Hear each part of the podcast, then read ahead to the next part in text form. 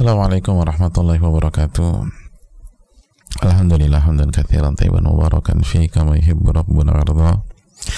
Wassalatu wassalamu ala nabiyyina Muhammadin wa ala alihi wa sahbihi wa man sara ala nahjihi bi ihsanin ila yaumidin wa ba'd. Hadirin Allah muliakan, tidak ada kata yang layak untuk kita ucapkan pada kesempatan kali ini kecuali bersyukur kepada Allah Subhanahu wa taala atas segala nikmat dan karunia yang Allah berikan dan Allah limpahkan kepada kita. Mulai dari nikmat kehidupan, nikmat nyawa. Dan nyawa itu tidak berdiri sendiri. Namun Allah pun memberikan kita nikmat iman dan nikmat Islam. Nikmat yang dengannya kita bisa memperoleh kebahagiaan di dunia maupun di akhirat. Dan Allah subhanahu wa ta'ala memberikan nikmat merupakan yang berupa kesempatan untuk menambah ilmu kita. Kesempatan untuk menambah iman dan ketakwaan kita kepada Allah Subhanahu wa taala. Dengan menuntut ilmu agama dengan mengkaji firman-firman Allah dan hadis-hadis Nabi kita sallallahu alaihi wasallam. Karena menambah ilmu itu berarti menambah iman jika kita ikhlas dalam menuntutnya sebagaimana firman Allah Subhanahu wa taala dalam surat Al-Anfal ayat 2 innamal mu'minuna alladzina idza dzukirallahu wajilat qulubuhum wa idza tuliyat alaihim ayatuhu zadatuhum imana. Orang-orang beriman itu adalah orang-orang yang apabila dibaca atau apabila disebutkan nama Allah wajilat qulubuhum. Hati mereka bergetar wa idza tuliyat alaihim ayatuhu zadatuhum imana. Dan apabila dibacakan ayat-ayat Allah maka imannya pun bertambah. Oleh karena itu marilah kita sejenak menambah iman kita pada pagi hari ini. Dan kita semakin bersyukur karena kesempatan itu Allah berikan bersama dengan salah satu kitab terbaik yaitu Riyadus Salihin dan bersama salah satu ulama terbaik yaitu Al-Imam Yahya bin Sharaf. Abu Zakaria atau yang biasa dikenal dengan nama Al-Imam An-Nawawi. Ini adalah anugerah yang lebih berharga daripada jika pagi ini kita mendapatkan harta dunia. Ini adalah anugerah yang lebih baik daripada hari ini kita mendapatkan uang jutaan bahkan miliaran rupiah. Karena ilmu lebih berharga daripada harta sebagaimana dijelaskan banyak dalil dari ayat dan hadis Nabi kita Shallallahu Alaihi Wasallam. Maka bersyukurlah kepada Allah dan jangan uh, perhitungan untuk berjuang mendapatkan ilmu yang bermanfaat. Hadirin yang Allah muliakan kita baru saja menyelesaikan hadis yang sangat luar biasa. Hadis yang bernama Ummu Sunnah. Ibunya sunnah Nabi Shallallahu Alaihi Wasallam. Tentu saja dengan segala keterbatasan ilmu kita dan kekurangan kita dalam menjelaskan hanya saja dengan pertolongan Allah Alhamdulillah kita bisa menyelesaikan keterangan hadis tersebut. Oleh karena itu pada kesempatan kali ini kita akan melanjutkan ke hadis yang kedua. Di dalam bab muraqabah. Atau hadis dengan nomor 61 ya kalau kita mulai dari awal. Hadirin yang Allah muliakan kali ini Imam Nawawi rahimahullah membawakan hadis yang simpel sederhana tapi lagi-lagi dalam hadis yang dikeluarkan Imam Tirmidzi dari dua sahabat. Dua sahabat besar. Mari kita simak hadis tersebut. Qala al-imam an-nawawi rahimahullah semoga Allah merahmati beliau. Semoga Allah subhanahu wa ta'ala merahmati orang tua, keluarga dan guru beliau. Semoga Allah merahmati orang-orang yang beliau cintai dan semoga Allah merahmati seluruh umat Islam di mana pun berada. An Abi Dhar Jundub bin Junada. An Abi Dharin Jundub bin Junada. Wa Abi Abdurrahman Muadz bin Jabal radhiyallahu taala anhuma. Dari Abu Dzar Jundub bin Junada dan dari Abu Abdurrahman Muadz bin Jabal an Rasulillah sallallahu alaihi wasallam qala dari Rasul sallallahu alaihi wasallam bahwa beliau bersabda ittaqillaha haitsu kunta. Bertakwalah kepada Allah di mana pun anda berada. Wa atbi'is sayyi'atal hasanata tamhuha. Dan uh, ikuti perbuatan buruk dengan perbuatan baik. Niscaya perbuatan baik itu akan menghapus keburukan yang dilakukan. Wa nasa bi hasan. Dan berinteraksilah dengan manusia menggunakan akhlak yang baik. Rahu tirmidhi wa qala hadis wa qala hadithun hasan. Hadis ini dikeluarkan Imam Tirmidzi dan dinyatakan oleh beliau hadisnya hasan ini adalah hadis yang simple pendek tapi dalam nah sebelum kita masuk ke inti dari hadis ini marilah kita berkenalan dengan dua sahabat besar yang meriwayatkan hadis ini. Karena dua sahabat ini uh, belum pernah kita temui di dalam kitab Riyadus Salihin. Lalu karena yang meriwayatkan ada dua sahabat, maka kita akan uh, bahas inti dari hadis itu besok insya Allah. Hari ini kita akan bahas sekilas tentang mereka berdua, sekilas saja tentu saja dengan segala keterbatasan ilmu yang dimiliki. Lalu kita buka sesi tanya jawab khususnya tentang uh, hadis Ummu Sunnah yang kemarin. Uh, sehingga uh, mungkin ada pertanyaan tentang hadis Jibril kemarin bisa diangkat pada hari ini. Lalu besok kita akan masuk ke inti dari atau uh, pesan yang disampaikan Nabi SAW dalam hadis Tirmidzi ini. Nah tahu kalau Allah kita minta pertolongan kepada Allah Abu Dhar dan Mu'ad bin Jabal jamaah Adapun Abu Dhar beliau bernama Jundub bin Junada dan sekilas info saja bahwa terjadi perbedaan pendapat di buku-buku ulama tentang siapa sih nama sebenarnya. Beliau dikenal dengan nama Abu Dhar. Tapi nama sebenarnya siapa? Dan yang paling terkenal yang paling masyhur dan yang paling valid sahih sebagaimana dijelaskan sebagian para ulama seperti Ibnu Al-Athir adalah Jundub bin Junada Jundub bin Junada bin Qais bin Amr bin Mulail bin Sagir bin Haram bin Gifar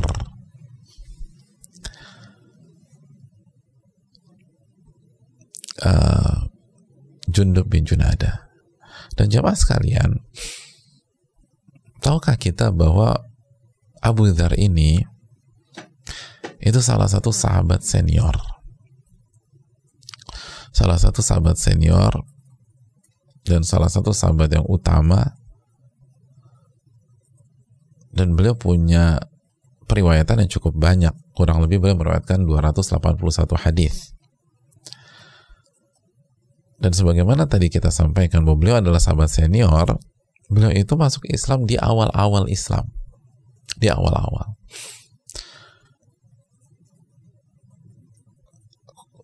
Kurang lebih bisa menjadi orang keempat atau orang kelima yang masuk Islam. Jadi sangat awal. Sangat awal. Hanya saja setelah itu beliau kembali ke kaumnya dan tinggal di sana berdakwah di sana.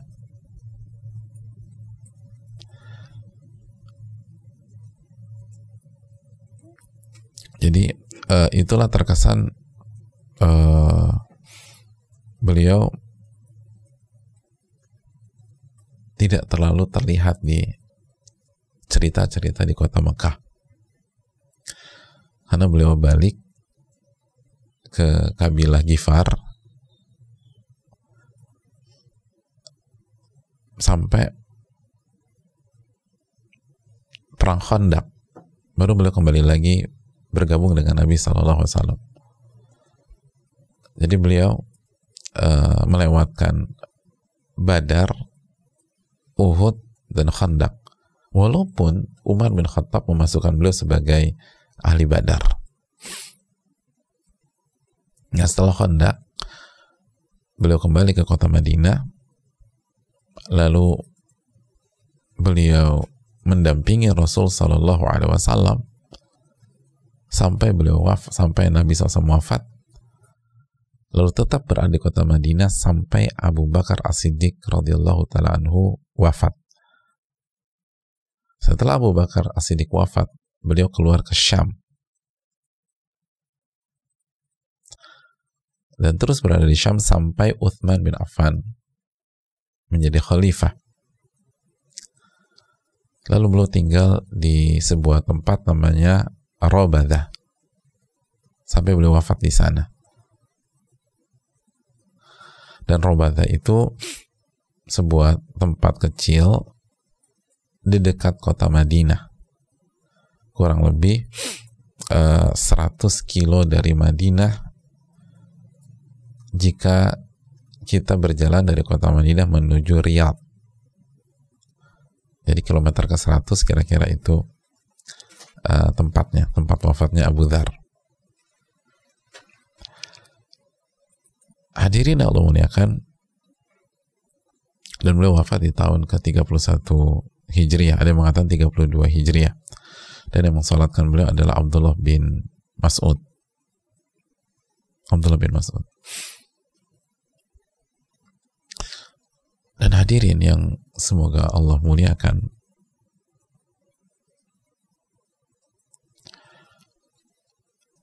Dan Abu Dhar itu seorang pencari kebenaran sejati. Pencari kebenaran sejati. Jadi salah satu uh, faktor terbesar beliau mendapatkan hidayah dan di awal di awal tuh sangat nggak mudah itu salah satu faktornya beliau adalah pencari kebenaran pencari kebenaran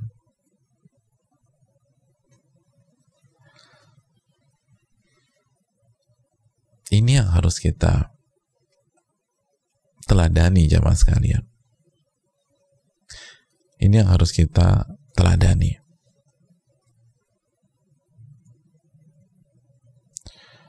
Bahkan beliau sholat itu sebelum bertemu dengan Nabi SAW. Jadi tiga tahun sebelum bertemu dengan Nabi SAW, beliau udah sholat. Loh kok bisa? Ya kan? Pakai syariatnya Nabi Ibrahim.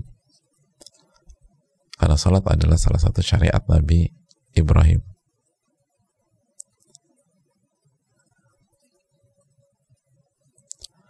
jamaah yang Allah muliakan dan uh, beliau pernah berkata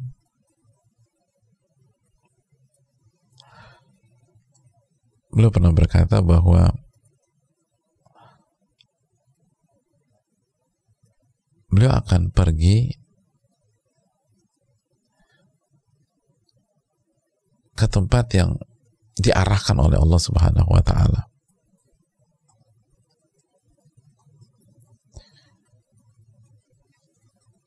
Ketika beliau mengatakan ketika ditanya mau ke mana? Kata beliau atawajjahu haithu yuwajjihuni rabbi. Aku akan pergi sesuai dengan apa yang ditunjukkan oleh Robku dan ketika beliau sholat itu beliau udah tahu. Makanya kan orang bilang kenapa? Anda sholat itu untuk siapa? Kata dia kata kata beliau lillah untuk Allah Subhanahu wa taala. Untuk Allah Subhanahu wa taala. Maka Makanya ketika beliau mendengar kabar tentang Rasul SAW dari saudaranya Unais,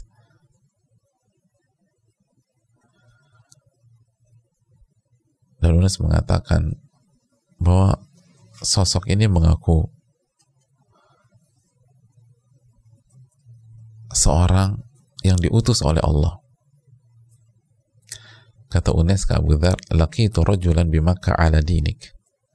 Saya ini ketemu di kota Mekah, orang yang kayak agama kamu nih, gitu.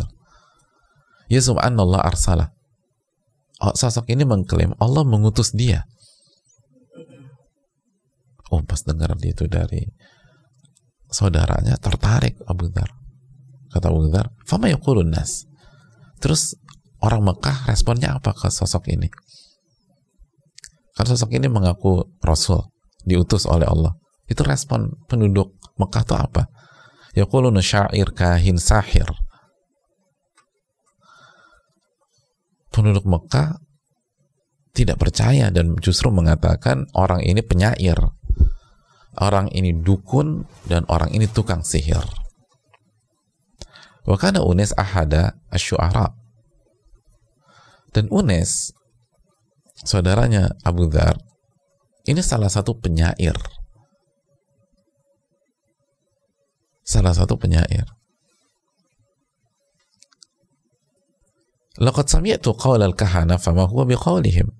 Lalu kata Unes, aku udah pernah dengar ucapan-ucapan para dukun itu. Aku artinya aku pernah dengar dukun bicara. Dan bukan satu dukun, banyak dukun aku pernah dengar. Dan sosok ini sama sekali berbeda dengan para dukun. Jadi Unes ini orang lapangan, orang bergaul, ngerti orang. Dikatakan ini dukun. Bukan ini orang bukan dukun. Saya udah ketemu banyak dukun kok. Beda sama sosok ini. Beda sama sosok ini. Walaqad wada'tu qawlahu ala aqra'i sya'r. Atau aqra'i syair maaf aqra'i syair fama yaltaimu ala lisani ahadin ba'di annahu syair dan ingat tadi Unesos siapa? Penyair. Jadi aku sudah uh, dudukkan ucapan-ucapan sosok ini ke kaidah syair, ke konsep syair, dan nggak nggak cocok. Ini bukan penyair. Ini bukan penyair. Wallahi innahu lasadiqun wa innahum lakadzibun. Demi Allah, sosok ini jujur dan benar. Dan kaumnya lah yang pembohong. Kaumnya yang pembohong.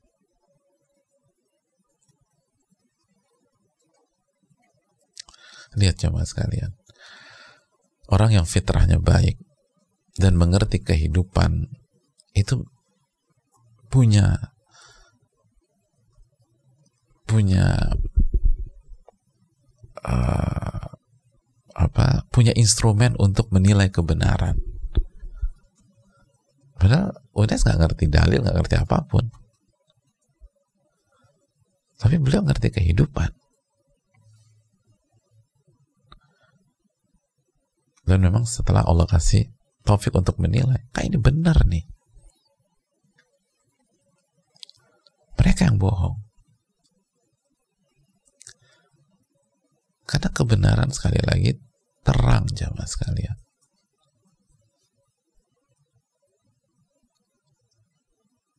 Orang yang punya fitrah yang baik itu bisa nilai ini benar Bahkan didustakan satu kota tapi ada orang-orang bisa nilai enggak, enggak, enggak, enggak. Sosok ini yang benar. Mereka yang bohong. Karena dibilang apa sahir? Dia bukan sahir. Dia bukan tukang sihir. Penyair. Saya ngerti, saya ngerti bait-bait syair. Saya mengerti syair-syair. Nggak cocok dengan timbangan syair. Kan syair itu dalam bahasa Arab tuh punya punya apa? Punya kaidah punya pola. Orang tuh harus belajar ilmu arut gitu loh biar ngerti polanya. Syair ini beda.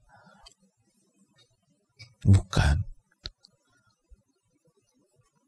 Dukun saya ngerti dukun. Saya dengar omongan-omongan mereka. Dia bukan dukun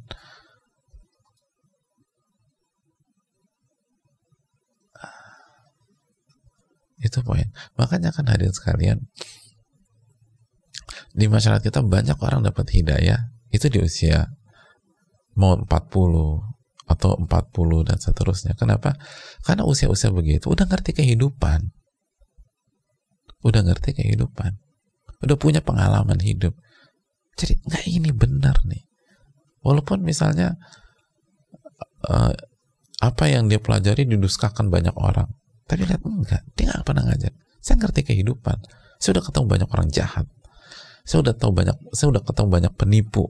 Saya udah kenal ini nggak bukan kayak mereka. Ini beda.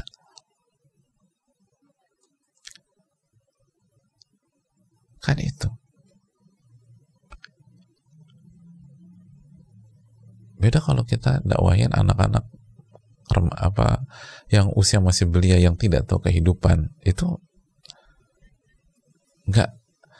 Akan PR-nya akan lebih banyak daripada orang yang tahu kehidupan kecuali diberikan taufik oleh Allah tentu saja. Tapi orang yang tahu kehidupan udah ketemu banyak orang udah ketemu banyak orang jahat segala macam itu beda. Itu beda. Ada perbedaan. Saya ketemu dengan penyair dia bukan penyair beliau bukan penyair. Saya ketemu dengan dukun. Ini orang bukan dukun beda. Apalagi tukang sihir beda. Yang benar beliau nih. Itu satu kota berdusta dalam tanda kutip. Artinya ini kan baru. Abu Dhar baru orang kelima sebagai sebagaimana riwayat. Dan nggak mudah loh untuk apa bisa menilai di saat satu kota itu memberikan opini yang nggak benar itu butuh taufik dari Allah lalu tadi ilmu kehidupan itu penting pengalaman hidup ketemu dengan si A ketemu si B si C dan lain sebagainya maka Abu Dhar mengatakan Fakfini hatta adhab fa'andhar. Beliau pengen, kalau gitu aku pergi ke kota Mekah biar aku lihat orang tersebut. Kalau fa'ata itu Makkata fatada'aftu rajulan minhum. Sampai Abu Dhar pergi ke kota Mekah. Lalu beliau mencari orang paling lemah yang ada di kota Mekah yang beliau temui. Lihat, ini sosok-sosok tahu kehidupan. Jadi begitu sampai kota Mekah, fatada'aftu rajulan minhum maka aku cari ini siapa ya? Orang-orang lemah. Kenapa? Lianna dha'ifa ma'munun ma'munul ghaya ma'munul ghaila ghaliban. Karena orang yang lemah cenderung aman. Cenderung aman. Jadi lebih enak ditanya. Kan gitu kan? Pokoknya kalau mau tahu gimana situasi di sebuah di sebuah tempat di sebuah wilayah dan seterusnya cari orang-orang yang lemah. Maka mereka akan cenderung polos bercerita. Nggak ada kepentingan. Apa adanya. Beda kalau kita tanya orang-orang yang ini dia akan mikir ini orang kenapa ya? Kok tanya-tanya ya? Ada maksud apa nih? Ini arahnya ke mana? Seorang tuh kalau udah tinggi, orang mikir mikirnya banyak banget. Ini maksudnya ke mana ya tapi kalau kita masuk ke akar rumput, lalu bicara dengan yang benar-benar di bawah banget, itu gali ceritanya lebih enak. Paling tinggal terakhir segelas kopi, udah duduk ngobrol deh. Kalau dulu warung kopi itu cerita macam. Oh, jadi di sini gimana pak? Oh ya di sini tuh bla bla bla cerita pak. Oh iya sekarang alhamdulillah. Tapi ada satu orang tuh aneh kita lihat. Oh cerita. gimana dia pak? Oh cerita panjang lebar modalnya cuma satu kopi sama singkong goreng misalnya itu cerita udah Tapi orang-orang yang benar di level atas dan seterusnya modal kopi sampai pisang goreng nggak dimakan pisang goreng jangan diracunin nih. Ini orang siapa nanya-nanya? Apa maksudnya? Ini orang asing nih, curiga saya. Ini jangan punya tendensi. Panjang pikirannya. Tapi kalau orang itu enggak. Lihat ya mas, makanya anaknya kita belajar tentang para sahabat tuh begini. Kita bisa ngerti gimana mereka. Lihat bagaimana Abu Dhar cari kebenaran. Udah saya mau datang ke toko saya mau ngecek sendiri, datang. Semangat Abu Dhar cari kebenaran. Semangat Abu Dhar cari kebenaran. Terus cari yang paling lemah. Orang-orang paling lemah yang bisa ditemui di kota Mekah. Baru dia tanya, Aina hadzal ladzi tad'unahu sabi? Lalu ketemu, ditanya sama Abu Dhar, yang mana sih sosok yang kalian uh, kalian klaim atau kalian anggap aneh, katanya begini, begini, begini, lalu mengklaim membawa agama dari Allah Subhanahu wa taala dan seterusnya. Fa'asyara ilai. Maka saya dikasih tahu di mana beliau.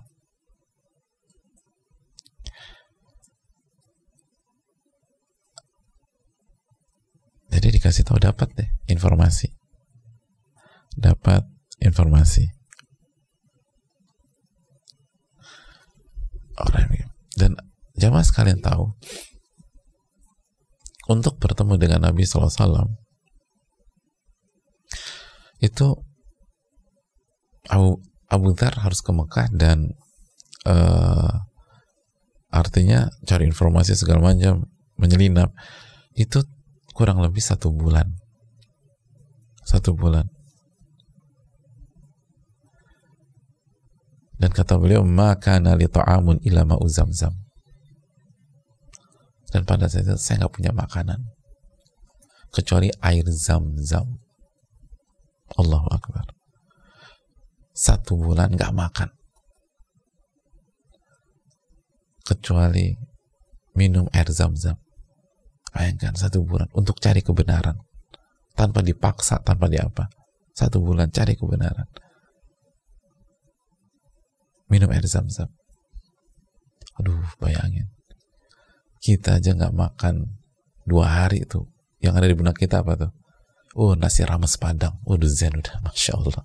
Udah paling masya Allah udah. udah. Ini tik satu bulan nggak makan apa-apa. Wala nasi rames, nasi warsun atau segala macam nggak makan Masya Allah ya. Jadi kalau kita harus mengorbankan sedikit waktu sarapan di pagi hari untuk kajian mah biasa aja mah. Belum satu bulan kan? Belum. Nanti juga bisa makan habis kajian. Atau sebelum kajian makan dulu. Kenapa nggak kajian? Aduh, waktu sarapan, waktu sarapan. Ini Abu Dhar, satu bulan. Satu bulan. Makanya bagaimana mereka memperjuangkan kebenaran karena mereka dapatnya tuh jungkir balik. Dapatnya mahal, capek, letih. Satu bulan. Nggak makan kecuali air zam-zam. Tapi menariknya fasamin tuh, aku tuh gemuk, kata Abu Dhar. Masya Allah ya. Aku tuh gemuk. Dan itulah air zam-zam. Kan Nabi SAW mengatakan, Ma'u zam-zam lima syuribalah. Air zam-zam itu tergantung niat peminumnya. Dan dalam hadis yang lain, to'amu to'min. Air zam-zam itu makanan. Jadi fungsinya bukan hanya air yang menghilangkan dahaga. Air zam-zam itu makanan. To'amu to'min. Hadirin yang Allah muliakan, singkat cerita karena banyak akhirnya Abu Dhar ketemu dengan Nabi SAW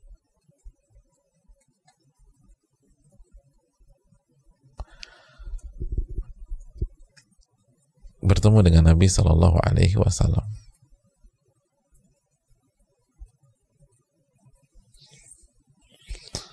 Pada saat itu di Masjidil Haram, Nabi SAW sedang tawaf. Setelah tawaf tujuh putaran, beliau salat dua rakaat di belakang makam Ibrahim. Lalu kata Dhar, aku mendatangi Nabi SAW. Fa ini la awalun nas hayyahu bitahiyatil Islam. Dan kata Dhar, aku pertama kali yang menyapa beliau dengan salamnya ahlul Islam. Assalamualaikum. Jadi beliau katakan, Assalamualaikum ya Rasulullah. Jadi Abu, Abu Dhar, Assalamualaikum ya Rasulullah. Langsung Assalamualaikum ya Rasulullah. Nabi mengatakan, Waalaikumsalam, man anta? Lalu jawab salamnya Abu Dhar, Waalaikumsalam, man anta? Siapa engkau? Lalu kata Abu Dhar, Rajulun Bani Gifar. Saya seseorang dari Bani Gifar. Maka Nabi langsung mengambil kesempatan itu untuk mengajak masuk Islam. Fa'arada alaiya al-Islam. Fa'uslim wa syahidu an la ilaha illallah wa anna Muhammad Rasulullah. Lalu Abu Dhar masuk Islam, kata beliau, fa'uslim, aku masuk Islam, dan aku bersaksi tidak ada zat yang berhak diibadahi kecuali Allah dan Muhammad adalah Rasulullah. Langsung. Karena beliau kan udah investigasi, udah segala macam, udah pas udah. Langsung terima.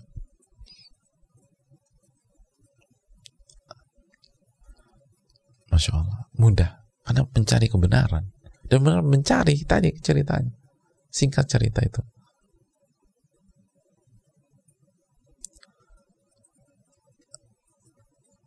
Itu harus sekarang. Faqala Rasul, faqala Rasul. Lalu Nabi SAW berkata kepada Abu Dhar, irji ila qawmika. Fa'akhbirhum waktum amraka an ahli Makkah fa inni akhsyahum alik. Sekarang tugasmu ya Abu Dhar pulang ke kaummu. Lalu ajak mereka masuk Islam. Terangkan mereka tentang Islam. Lalu sembunyikan identitasmu sebagai seorang muslim di hadapan penduduk Mekah. Karena aku khawatir kalau mereka tahu engkau beriman mereka akan menyakiti engkau. Itu keluhnya eh, itu sarannya Nabi SAW Coba kalau antum jadi Abu Dhar gimana coba? Kalau kita jadi Abu Dhar nih pulang uh, terus jelaskan tentang Islam lalu sembunyikan identitasmu sebagai seorang muslim di hadapan penduduk Mekah. Aku khawatir mereka akan menyakitimu kalau mereka tahu kamu masuk Islam. Maka yang akan kita lakukan apa? Kita akan sembunyi-sembunyi, diam-diam pura-pura ini. Tapi Abu Dhar beda. Fakultu walladhi nafsi biadi demi Allah yang diriku berada di dalam genggamannya, aku akan teriak mengumumkan keislamanku di hadapan mereka. Itu Abu Dhar. Fakharaja hatta atal masjid. Maka Abu Dhar keluar. Lalu beliau teriak. Fanada bi'ala sautihi. Lalu berteriak dengan suara yang maksimal Ashadu an la ilaha illallah wa anna muhammadan rasulullah. Teriak syahadatain di hadapan semua orang. Di hadapan semua orang. Yang ada pada saat itu. Heboh lah fatharul kaum. Fatharul kaum ilai. Heboh kondisi. Tiba-tiba ada apa orang asing mengucapkan syahadatain dan kondisi lagi lemah banget pada saat di awal-awal. Fadorobu hatta jauh. Tanpa menunggu waktu panjang, orang-orang di situ langsung mendatangi Abu Dhar dan memukuli Abu Dhar. Digebukin Abu Dhar. Wah, habis Abu Dhar. Uh, dihabisin, digebukin, dipukulin, dikeroyok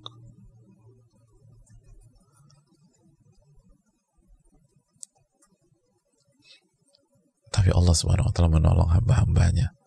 Wa atal Abbas fa'qubu alaih wa qala wailakum.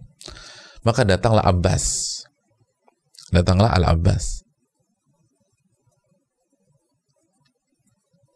Lalu Al-Abbas mengatakan, Wailakum, celaka kalian. Kenapa kalian gebukin ya orang? Kalian bisa celaka. Maksudnya apa? Alastum ta'lamuna annahu min gifar. Tidakkah kalian tahu ini orang Gifar?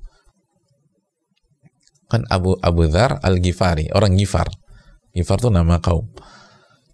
Tidakkah kalian tahu ini orang Gifar? Mungkin kita bertanya-tanya terus hubungannya apa? Mari kita simak. Wa anna tariqa tijaratikum ila Syam tamurru alaihim. Kalian sadar nggak? Jalan yang kalian tempuh untuk berdagang ke Syam, ingat, orang-orang Quraisy itu berdagangnya ke mana? Ke Syam, rutin, setiap tahun. Itu jalan yang kalian lalui untuk menuju ke Syam, itu melewati kaum beliau ini. Melewati kobilahnya dia nih. Apa jadinya kalau mereka tahu salah satu dari mereka kalian gebukin di sini? Repot nanti pas pergi Jaro. Mereka balas dendam. Mereka halang-halangi jalan kalian. Kalian repot. Oke, kalian di Mekah penguasa. Kalian uh, ini kandang kandang kita, ini uh, base camp kita. Tapi begitu keluar, terus ngelewatin kabilah mereka, selesai. Oh, pintar iya, benar juga ya. Benar nih. Alasannya logis masuk akhirnya dibiarin. Wan qadahu minhum. Maka Allah selamatkan Abu Dhar dengan argumentasi Al-Abbas ini, Masya Allah.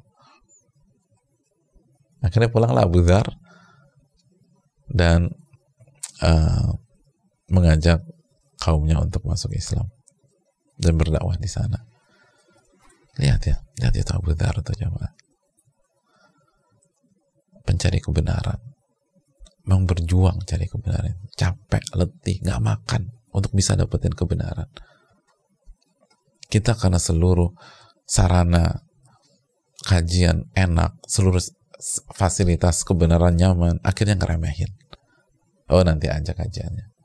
Kajian sampai santai sambil tidur tiduran sambil rebahan sambil ngobrol. Kenapa? Karena dimudahin sama Allah Subhanahu Wa Taala. Akhirnya meremehkan. Dulu para sahabat kenapa benar-benar mantap karena nyari kebenarannya susah. Untuk dapat kebenaran susahnya minta ampun aksesnya susah harus masuk ke grassroots harus ngebaca dulu kota Mekah selama satu bulan dan lain sebagainya baru dapat. Abu Dhar. Dan nggak makan kecuali minum air zam-zam. Nggak punya duit segala macam. Makanya kan ada sebuah kaidah dijelaskan sebagian al hikmah manja manja sahla dhahaba sahla. Sesuatu yang datangnya gampang hilangnya gampang manja sa'ba dhahaba sa'ba. Sesuatu yang dapat dapatnya susah secara umum hilangnya juga susah. Kan gitu. Kita yang dulu sekolah pakai sistem SKS kebut semalam. Oke mungkin kita cerdas lalu besoknya kita bisa jawab seluruhnya dapat 100 tapi begitu ganti pelajaran di hari kedua ujian masih ingat nggak? Udah mulai lupa. Kenapa? Karena dapatnya gampang Dapatnya gampang. Anak orang kaya yang uang jajannya seminggu 20 juta misalnya. Itu untuk ngebuang 100 ribu gampang jemaah. 100 ribu tinggal dibuang-buang aja. Anak SD gitu uang jajannya seminggu 20 juta. Untuk 100 ribu dibuang. Tapi temennya temennya yang untuk dapat 100 ribu dia harus nabung 6 bulan ditabung gitu. Mungkin uangnya berapa dicalengin calengin calengin sampai dapat seratus ribu. Enam bulan tuh. Oh dijaga tuh seratus ribu. Dijaga. Wallahu ta'ala bisawab. Inilah Abu Dhar. Yang uh, luar biasa jamaah sekalian. Jadi uh, kita harus meneladani beliau dan harus semangat dalam mencari kebenaran. Harus semangat dalam meneladani para sahabat radhiyallahu taala anhum wardah dan beliau adalah orang yang sangat jujur sangat jujur jamaah. Sangat jujur dan kejujuran beliau dipuji oleh Nabi Shallallahu Alaihi Wasallam. Bagaimana nggak jujur? Sampai saking jujur di, di, di apa beliau teriak di hadapan seluruh orang bahwa beliau masuk Islam. Dan itu juga membuat beliau uh, mendapat hidayah dan istiqomah di atas hidayah. Karena beliau sangat-sangat jujur. Dan beliau punya banyak ilmu, banyak ilmu dan beliau ahli fatwa mufti di zaman Abu Bakar, Umar dan Uthman. Jadi beliau mufti di zaman Abu Bakar, Umar dan Uthman. Dan Ibnu Sa'ad dalam kitab tabakatnya itu masukkan Abu Dhar sebagai ahli ilmu dan fatwa dari sahabat Nabi Shallallahu Alaihi Wasallam dan beliau orang yang sangat dermawan dan unik sekali dalam kedermawanannya karena beliau tidak menyisakan uang sedikit atau banyak kecuali dia sumbangkan beliau sumbangkan. Beliau sumbangkan. Makanya beliau nggak boleh ngelola harta anak yatim sama Nabi SAW khawatir disumbangin bukan dimakan. Orang itu hobi banget nyumbang hobi banget ngasih dan beliau adalah ikonnya kezuhutan dan kejujuran ilmu dan amal. Makanya dan beliau nggak peduli dicela sama para pencela. Bahkan jangankan dicela digebukin beliau nggak peduli. Makanya tadi cerita. Digebukin beliau nggak peduli. Itulah Dhar jamaah sekalian yang Allah muliakan. Tidak peduli celaan para pencela. Dan uh, dipukulin aja beliau tidak khawatir sama sekali. Beliau tidak khawatir. Oleh karena itu ini pelajaran bagi kita. Dan dalam riwayat mereka beliau dipukulin waktu itu. Itu dipukulin memang mau di mau dibunuh. Beliau katakan tuh fadurib tula li amuta aku dipukulin sehingga saya mau mati waktu itu. Dan tadi Abbas tolong itu. Saya dipukulin sampai saya mau meninggal. Bukan jadi bukan dipukulin biasa oh, guduk-guduk selesai enggak. Itu kalau Abbas nggak kalau Allah nggak selamatkan melalui Abbas selesai Abu Dhar. Itu ucapan itu diucapkan dalam riwayat Al Bukhari dalam riwayat Al Bukhari itu yang perlu kita uh, tanamkan jamaah sekalian yang Allah muliakan Abu Dhar. Dan terakhir tentang Abu Dhar uh, dalam hadis riwayat Imam Ahmad Nabi pernah memberikan wasiat kepada Abu Dhar dan penting untuk kita apalagi di hari-hari ini. Kata Nabi SAW Ya Abu Dhar wahai Abu Dhar Ara'aita in asaban nasu ju'an asaban nasa ju'un syadidun la yastati'u an taquma min firashika ila masjidika. Kaifa tasna' Wahai Abu Dhar bagaimana sikap engkau jika uh, manusia sedang dilanda rasa lapar yang luar biasa? Dan tidak dan engkau tidak mampu bangkit dari tempat tidurmu untuk pergi ke masjid. Bagaimana sikap anda pada saat itu Allah Abu Dhar mengatakan Allah wa Rasulullah alam. Allah dan Rasulnya lebih tahu. Lalu kata Nabi, ta'affaf. Sikap yang yang harus engkau tempuh adalah ta'affaf. Ta'affuf. Menjaga kehormatan dan jangan minta-minta. Jangan minta-minta. Dan jangan tunjukkan kita butuh gitu. Jadi jangan minta-minta secara direct secara langsung dan jangan minta-minta secara tersirat.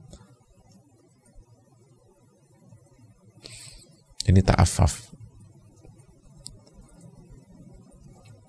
Tetap berusaha sendiri minta pertolongan sama Allah dan jangan menunjukkan kita uh, kita lagi miskin lagi butuh segala macam biar orang iba lalu uh, kasihan sama kita lalu kasih kita biasa aja ta'afaf. Itu nasihat Nabi ke Abu Dhar. Allah taala ini tentang Abu Dhar. Dan waktunya udah habis ya Pak besok kita bahas tentang Mu'ad bin Jabal sedikit lalu masuk ke uh, hadis ke 61 ini insyaallah taala. Uh, dan sebagaimana yang sempat kita katakan uh, selayang pandang tentang para sahabat Nabi itu penting. Dan kita uh, kita lakukan di perawi-perawi hadis ini biar kita bisa mengerti biar kita bisa mengenal dan mengetahui sejarah mereka itu menambah keimanan jemaah. Menginspirasi. Dan itu yang dikatakan al-imam Abu Hanifah. Al-imam Ibnul Jauzi. Metode uh, metode kajian atau metode pengajaran yang baik kata kata Al Ibnul Jauzi itu harus ada unsur menceritakan tentang sejarah atau uh, biografi atau contoh real dari orang-orang soleh sebelum kita. Saya rasa cukup. Kita akan lanjutkan Mu'ad bin Jabal di kesempatan esok karena insya Allah ya insya Allah karena waktu sudah habis. Mungkin ada sesi tanya jawab sebagaimana saya sampaikan tadi. Khususnya pertanyaan kemarin.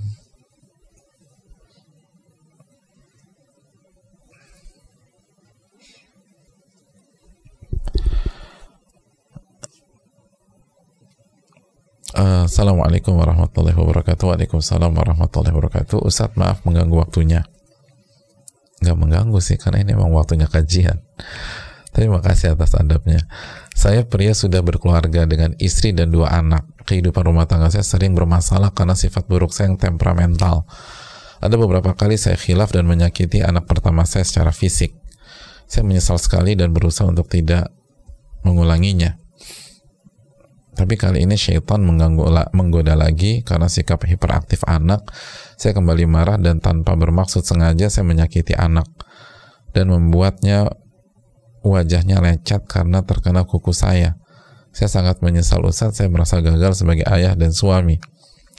Istri saya minta cerai karena sudah lelah dengan ujian yang disebabkan karena sikap temperamental saya. Saya butuh sekali nasihat dari Ustadz mengenai rumah tangga ini, apa yang harus saya lakukan sebagai suami, mohon nasihat dari Ustadz, terima kasih jazallah khairan. Iya, terima kasih atas pertanyaannya. Uh, hadirin Allah muliakan, tidak ada yang lebih baik daripada zikrullah azza wa jal mengingat Allah subhanahu wa ta'ala atau penanya bisa terapkan pembahasan kita tentang ihsan kemarin.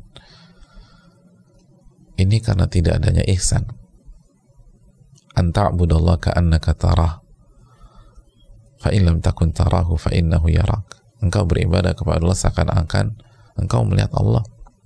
Jika engkau tidak bisa maka yakinlah Allah melihatmu. Simpel aja lah.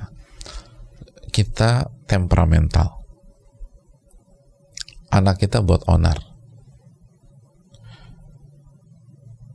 Biasanya kita akan pukul tuh anak.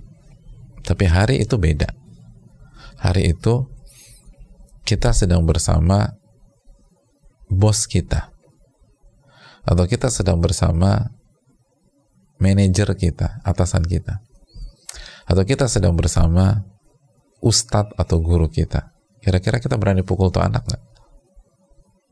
Hmm? berani pukul? enggak terus terus diapain? aku tendang ya enggak juga lah kita nggak berani mukul kita nggak berani nendang. Kenapa? Karena depan kita bos kita. Nggak berani kita macam-macam. Ada bos kita. Karena depan kita ada ustadz kita. Ada guru kita. Di depan kita ada orang yang kita hormati. Oke nggak usah nggak usah bos nggak usah ini. Di depan kita ada kakek neneknya anak-anak. Berani kita tendak berani kita pukul dia? Nggak berani. Kenapa? Ada kakek neneknya lalu bagaimana jika seseorang bisa benar-benar bisa menghadirkan muraqabatullah? Bab ini amalkan bab ini. Muraqabatullah merasa diawasi oleh Allah.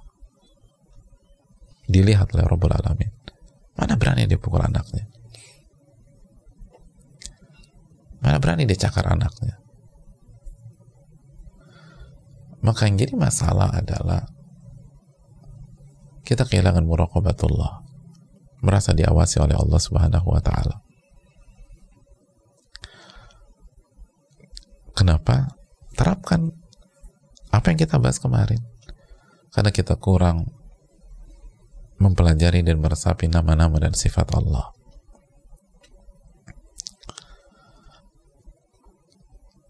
Itu masalahnya.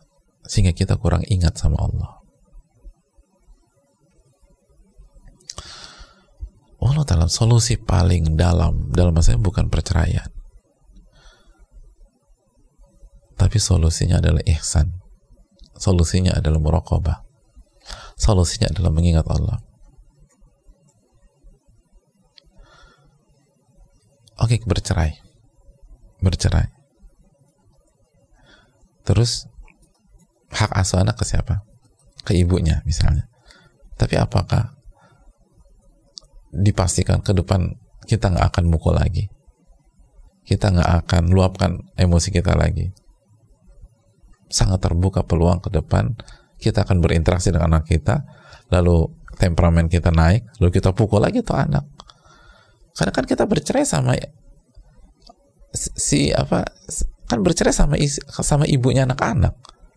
Adapun sama anak-anak masih tetap ibu ibunya anak bisa nikah lagi bisa ngapain. Tapi anak-anak tetap anak-anak kita. Jadi kalau masalahnya ini maka perbaiki zikrullah azza wa jal perbaiki kemampuan kita mengingat Allah.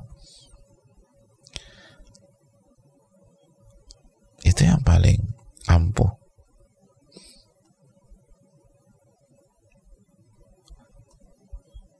Perbaiki ibadah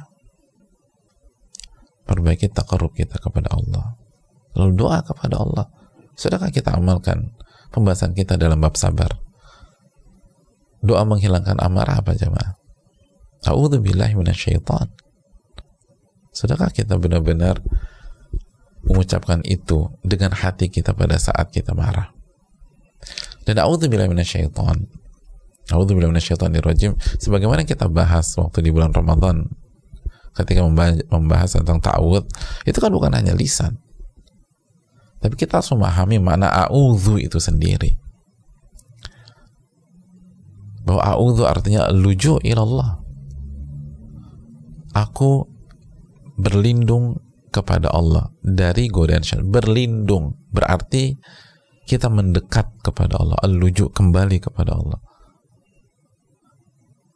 Lalu setelah mendekat kepada Allah mulazama wa adamul mufaraqah kita ingin selalu bersama Allah dan nggak mau jauh-jauh dari Allah seorang wanita yang diancam mau diperkosa, maka dia akan menuju kantor polisi terdekat. Dan begitu sampai di kantor polisi, nggak mau balik lagi. Kata pak polisinya, udah pulang aja mbak, insya Allah nggak ada apa-apa. Enggak pak, kalau diizinkan saya mau tidur di sini aja. Kenapa? Karena minta perlindungan. Orang minta perlindungan tuh nggak mau jauh-jauh. Nah sejauh mana kita nggak mau jauh-jauh dari Allah Subhanahu Wa Taala?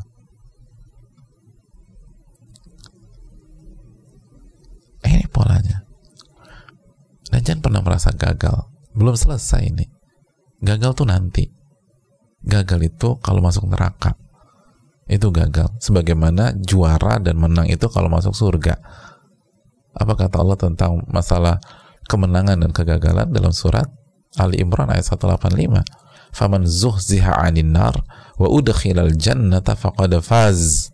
Barang siapa yang dijauhkan dari neraka dan dimasukkan ke surga, dialah pemenangnya. Berarti yang masuk neraka gagal. Ini belum gagal. Tapi syaitan yang membunuh harapan kita sehingga kita merasa gagal dan akhirnya kita hancurkan semuanya seharusnya yang hancur satu kotak syaitan tuh pengen kita hancurin semua kotak dan kotak ini belum hancur. Betul pasti ada dampak psikis kepada anak-anak. Tapi kita tahu kan hati seseorang ada di antara jari jemari dua jemari Allah Subhanahu wa taala. Yuqallibu kaifa Allah bolak-balikan sesuai dengan apa yang Allah kehendaki. Apa susahnya jika kita bertobat kepada Allah lalu kita perbaiki ibadah kepada Allah kita perbaiki interaksi kita dengan anak-anak lalu Allah robah Allah robah semuanya bukankah Allah cukup mengatakan kun fayakun terjadi maka terjadilah. Maka perbaiki hubungan kita dengan Rabbul Alamin. Allah Ta'ala alam bisa banyak doa. Takarrublah. Mintalah. Dan maksimalkan waktu-waktu dengan Allah mungkin ini yang bisa disampaikan